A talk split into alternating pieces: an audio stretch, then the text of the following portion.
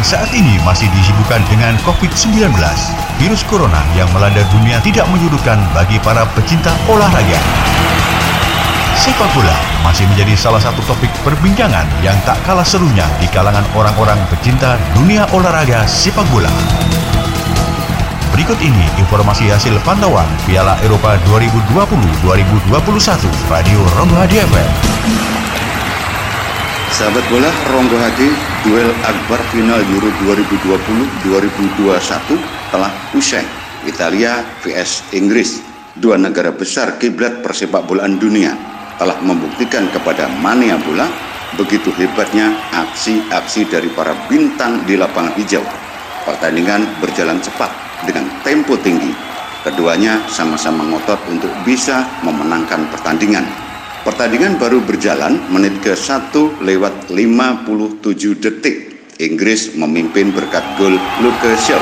Ini merupakan gol tercepat sepanjang pergulatan Euro 2020-2021. Italia baru bisa menyamakan kedudukan pada menit ke-67 lewat Leonardo Bonucci. Kedudukan satu-satu bertahan hingga perpanjangan waktu. Tak hayal drama adu tendangan penalti kembali terjadi. Rupanya mental juara berbicara di sini.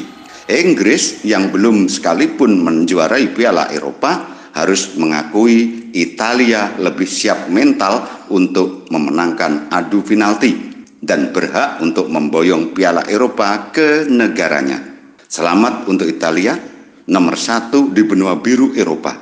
Gil Azuri sebagai kampion di Euro 2020-2021. Terima kasih Euro yang sudah menghibur kami pecinta bola tanah air selama pandemi COVID-19. Tontonan yang luar biasa. Paling tidak sebulan bisa melupakan keresahan hati karena COVID yang sampai saat ini belum terhenti.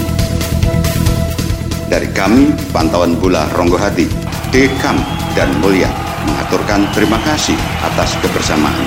Ketemu lagi di lain event bola lainnya. Sampai jumpa. Salam olahraga, salam sehat, ronggo hati.